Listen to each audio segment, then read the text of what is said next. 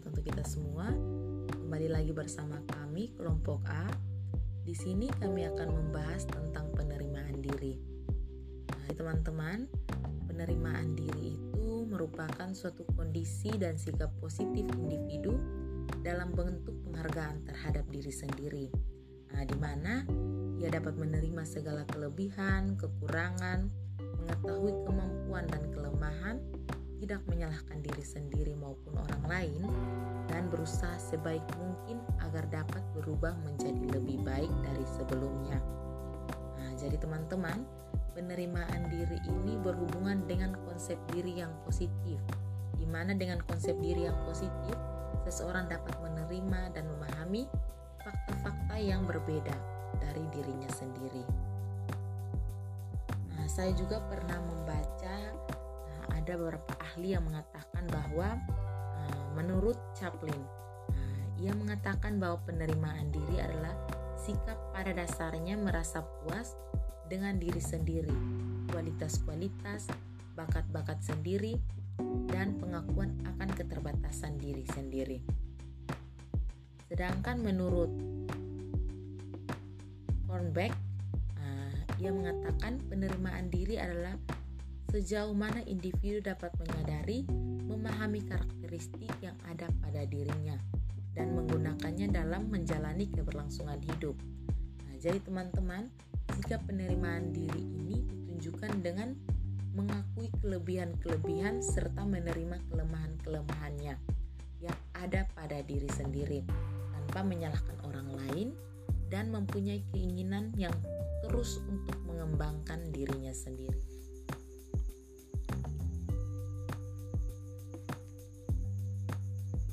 Kasih teman Lydia Long Leisiki sudah menjelaskan materi tentang apa itu penerimaan diri dan pengertian penerimaan diri menurut beberapa ahli. Nah, selanjutnya kesempatan diberikan kepada teman Maria Dionisia Rendo untuk menjelaskan materinya tentang aspek-aspek penerimaan diri dan komponen penerimaan diri. Selanjutnya, persepsi mengenai diri sendiri dan sikap terhadap penampilan. Nah, individu yang memiliki penerimaan diri, dia itu berpikir lebih realistis tentang penampilan dan bagaimana ia terlihat dalam pandangan orang lain.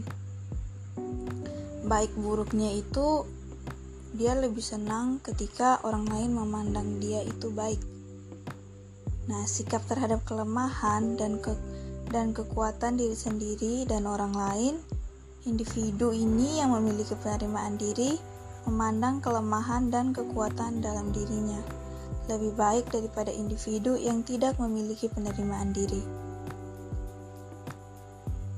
Perasaan inferioritas sebagai gejala penolakan diri.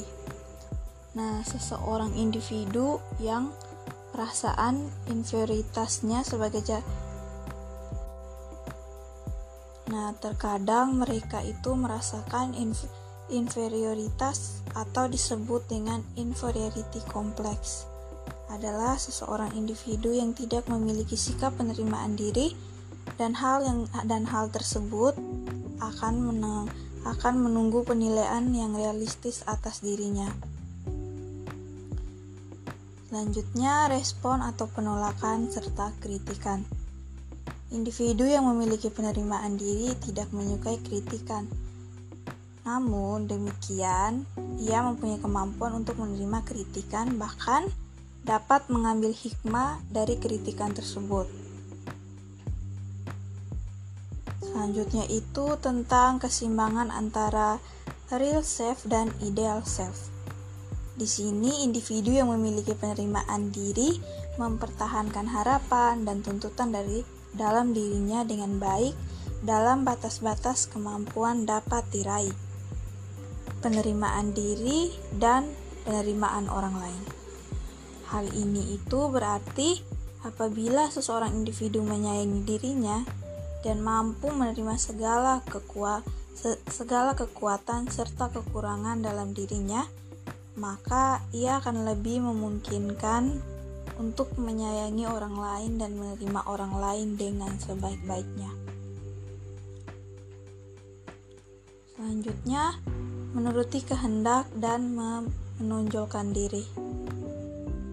Apabila seseorang individu menerima dirinya, hal tersebut bukan berarti ia memanjakan dirinya. Akan tetapi, ia akan menerima bahkan menuntut kelayakan dalam kehidupannya dan tidak akan mengambil yang bukan haknya. Individu dengan perimaan penerimaan diri menghargai harapan orang lain dan meresponnya dengan bijak. Spontanitas dan menikmati hidup Individu dengan penerimaan diri mempunyai lebih banyak ke keleluasaan untuk menikmati hal-hal dalam hidupnya. Individu tersebut tidak hanya leluasa menikmati sesuatu yang dilakukannya, akan tetapi juga leluasa untuk menolak atau menghindari sesuatu yang tidak dia inginkan. Aspek moral dalam penerimaan diri ini Individu dengan penerimaan diri bukanlah individu yang berbudi baik dan bukan pula individu yang tidak mengenal moral, tetapi memiliki fleksibilitas dalam pengaturan hidupnya. Berikutnya, sikap terhadap penerimaan diri. Individu yang dapat menerima hidupnya akan menunjukkan sikap menerima apa pun kekurangan yang dimilikinya tanpa harus malu ketika berada di lingkungan sosialnya. Selanjutnya, saya Safari Soto akan menjelaskan tentang faktor yang mempengaruhi penerimaan diri. Menurut Harlock tahun 1996, terdapat beberapa faktor yang mempengaruhi seseorang dalam penerimaan diri yaitu yang pertama pemahaman diri. Nah, yang dimaksud dengan pemahaman diri adalah suatu persepsi atas diri sendiri yang ditandai oleh keaslian bukan kepura-puraan, realistis bukan hayalan, kebenaran bukan kebohongan, dan keterus-terangan bukan berbelit-belit. Saya contohkan misalnya keaslian bukan kepura-puraan. Nah, contohnya di sini yaitu ketika saya misalnya tidak suka kalau ada yang meminjam uang dari saya. Nah, tapi karena ketika saya perhatikan ya dia memang benar-benar orang yang mau minjam uang kepada saya itu benar-benar butuh uang sehingga uh, sebenarnya saya tidak suka untuk memberi pinjaman tapi saya memilih untuk memberi pinjaman karena peduli terhadap orang yang meminta uang tersebut. Lanjut ke faktor yang kedua yaitu harapan yang realistis atau harapan yang wajar. Penjelasannya ketika pengharapan seseorang terhadap sukses yang akan dicapai merupakan pengharapan yang realistis atau yang wajar, kesempatan untuk mencapai sukses tersebut akan muncul, sehingga akan terbentuk kepuasan diri sendiri yang pada akhirnya membentuk sikap penerimaan terhadap diri sendiri. Nah, ketika kita memiliki harapan untuk sukses dan ada kesempatan untuk mencapai sukses tersebut, maka kita akhirnya akan berusaha usaha dan jika kita sukses maka tentunya kita akan merasa puas pada diri sendiri karena kita sudah berusaha dan mencapai kesuksesan yang kita inginkan. Lanjut ke faktor yang ketiga yaitu tidak hadirnya hambatan-hambatan dari lingkungan. Tidak mampuan untuk mencapai tujuan yang realistis dapat disebabkan oleh ketidakmampuan individu untuk mengontrol adanya hambatan-hambatan dari lingkungan. Nah, hambatan-hambatan dari lingkungan ini misalnya diskriminasi, ras, gender, dan kepercayaan. Nah, saya contohkan eh, hambatan-hambatan, misalnya contoh dari kepercayaan. Nah, ketika uh, tidak ada kepercayaan misalnya dari orang tua terhadap kita nah kalau orang tua tidak percaya pada kita tentunya kita akan merasa bahwa kurang adanya dukungan dari orang lain dalam hal ini orang tua sehingga motivasi kita untuk berusaha itu untuk menerima diri itu juga uh, menjadi rendah. Selanjutnya faktor yang keempat yaitu tidak adanya tekanan emosi yang berat. Nah, tekanan emosi yang berat dan terus-menerus seperti yang terjadi di lingkungan kerja atau rumah di mana kondisi sedang tidak baik dapat mengakibatkan gangguan yang berat sehingga tingkah laku orang tersebut dinilai menyimpang dan orang lain menjadi terlihat selalu mencela dan menolak orang tersebut. Nah, dari penjelasan ini saya akan coba mencontohkan tekanan yang berat dan terus-menerus yang terjadi di lingkungan kerja atau lingkungan rumah. Misalnya ketika di sekolah, eh, tekanan dari guru untuk belajar itu terlalu banyak, terlalu banyak tugas atau terlalu banyak materi yang harus kita pelajari. Nah, itu bisa saja mengakibatkan gangguan pada kita. Nah, misalnya uh, yang sewajarnya itu saya belajar di rumah dua atau tiga jam, tapi karena terlalu banyak uh, tekanan atau tuntutan, sehingga saya harus belajar lebih banyak. Nah, ketika saya belajar lebih banyak, dari biasanya kemungkinan saya akan melupakan semuanya karena terlalu memaksakan diri. Nah, ini juga tidak baik bagi uh, kita, dan tentunya kita akan kurang mampu menerima diri karena uh, kok orang lain bisa, tapi saya tidak bisa. Saya hanya bisa belajar 2-3 jam, sedangkan orang lain uh, bisa belajar lebih dari saya. Waktunya lebih lama. Tapi mereka aman-aman saja sementara saya belajar cuma tiga jam. Dan lebih dari itu saya sudah tidak bisa lagi. Uh, memahami apa yang saya pelajari nah faktor yang kelima yaitu sukses yang sering terjadi nah kegagalan yang sering menimpa menjadikan seseorang menolak terhadap diri sendiri Sebaliknya, kesuksesan yang sering terjadi menemukan penerimaan terhadap diri sendiri. Nah, kebanyakan orang ketika gagal, eh, mereka akan menolak terhadap diri sendiri. Nah, kenapa saya selalu gagal? Kenapa orang lain sudah berhasil namun saya masih gagal? Nah, padahal sebenarnya pemikiran seperti ini tidak perlu ada pada diri kita karena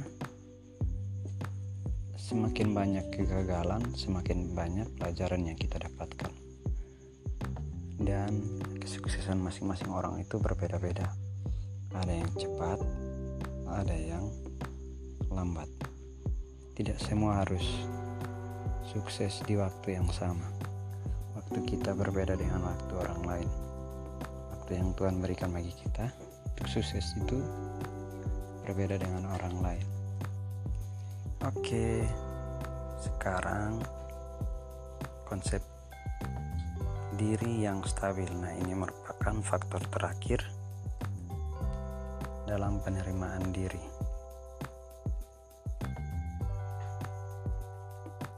Konsep diri yang baik akan menghasilkan penerimaan diri yang baik. Namun sebaliknya bila konsep diri yang buruk secara alami akan menghasilkan penolakan terhadap diri sendiri. Nah, misalnya saya contohkan konsep diri. Misalnya saya selalu beranggapan bahwa saya ini orang yang malas, saya ini orang yang bodoh, saya ini orang yang tidak bisa. Nah, tentunya ini akan menyebabkan saya tidak bisa menerima diri atau saya menolak terhadap diri sendiri. Saya menolak diri saya Nah, alangkah baiknya kita uh, punya konsep diri yang baik. Apa pun kekurangan kita, apa pun kelebihan kita harus kita terima. Jangan hanya mau menerima kelebihan dan tidak mau menerima kekurangan diri sendiri. Ketika kita, ketika kita sudah mampu menerima diri dan sudah punya konsep diri yang baik tentang kita sendiri, maka kita akan semakin mudah menerima diri kita sendiri. Oke, jadi sekian materi yang dibawakan oleh kelompok kami. Nah, sumber dari materi ini kami akses dari kajianpustaka.com. Nah, artikel atau jurnal ini ditulis oleh Muklisin Riyadi tahun 2017 judul artikel ilmiahnya itu pengertian aspek tahapan dan faktor penerimaan diri. Nah selanjutnya ada beberapa pertanyaan pertanyaan refleksi yang sudah kami siapkan untuk uh, adik-adik atau saudara-saudara dengarkan. Kemudian uh, silahkan memberi komentar terhadap pertanyaan-pertanyaan refleksi ini. Nah yang pertama saya akan memulai belajar menerima diri dari sekarang. Nah kira-kira komentar saudara-saudara terhadap pernyataan ini itu seperti apa? Saya ulangi pertanyaan yang pertama itu saya akan memulai belajar menerima diri dari sekarang. Nah, silakan direfleksikan terus uh, boleh disampaikan komentar saudara-saudara terhadap pertanyaan refleksi yang pertama ini. Oke, kita lanjut kepada pertanyaan refleksi yang kedua. Saya mau menerima setiap kelebihan dan kekurangan dalam diri saya silahkan berikan komentar terhadap pernyataan ini maksud saya pertanyaan ini saya ulangi yang kedua pertanyaan refleksi yang kedua saya mau menerima setiap kelebihan dan kekurangan dalam diri saya. Silahkan berkomentar terhadap pertanyaan ini. Nah yang terakhir pertanyaan refleksi yang terakhir saya tidak memaksakan diri agar sama dengan orang lain. Nah, kira-kira komentar terhadap pertanyaan refleksi ketiga ini bagaimana? Oke, saya ulangi. Saya tidak akan memaksakan diri agar sama dengan orang lain. Silahkan berkomentar terhadap pertanyaan refleksi ini. Oke, dan juga ada tiga pertanyaan evaluasi berkaitan dengan podcast ini. Nah, pertanyaan evaluasi yang pertama, pesan apa yang terkandung dalam podcast yang didengarkan ini? Saya ulangi, pertanyaan evaluasi yang pertama, pesan apa yang terkandung dalam podcast yang didengarkan ini? Oke, yang kedua, pertanyaan evaluasi yang kedua Coba sampaikan perasaan Anda setelah mendapatkan layanan informasi melalui podcast ini. Saya ulangi pertanyaan evaluasi yang kedua. Coba sampaikan perasaanmu setelah mendapatkan layanan informasi melalui podcast tadi. Nah, yang ketiga, pertanyaan evaluasi yang terakhir apa yang kamu rencanakan setelah mendapatkan layanan informasi melalui podcast ini? Saya ulangi pertanyaan evaluasi yang terakhir. Apa yang kamu rencanakan setelah mendapatkan layanan informasi melalui podcast ini? Oke, kalau ada pertanyaan yang belum jelas, ya akan kami jelaskan secara langsung jika dalam pertemuan nanti. Baik, mungkin itu saja pertanyaan-pertanyaan yang berkaitan dengan materi layanan ini. Nah, silahkan dijawab. Sekian dari kelompok kami tunanetra. Terima kasih sudah mendengarkan dari awal hingga akhir dari podcast kami ini. Sampai jumpa di podcast berikutnya.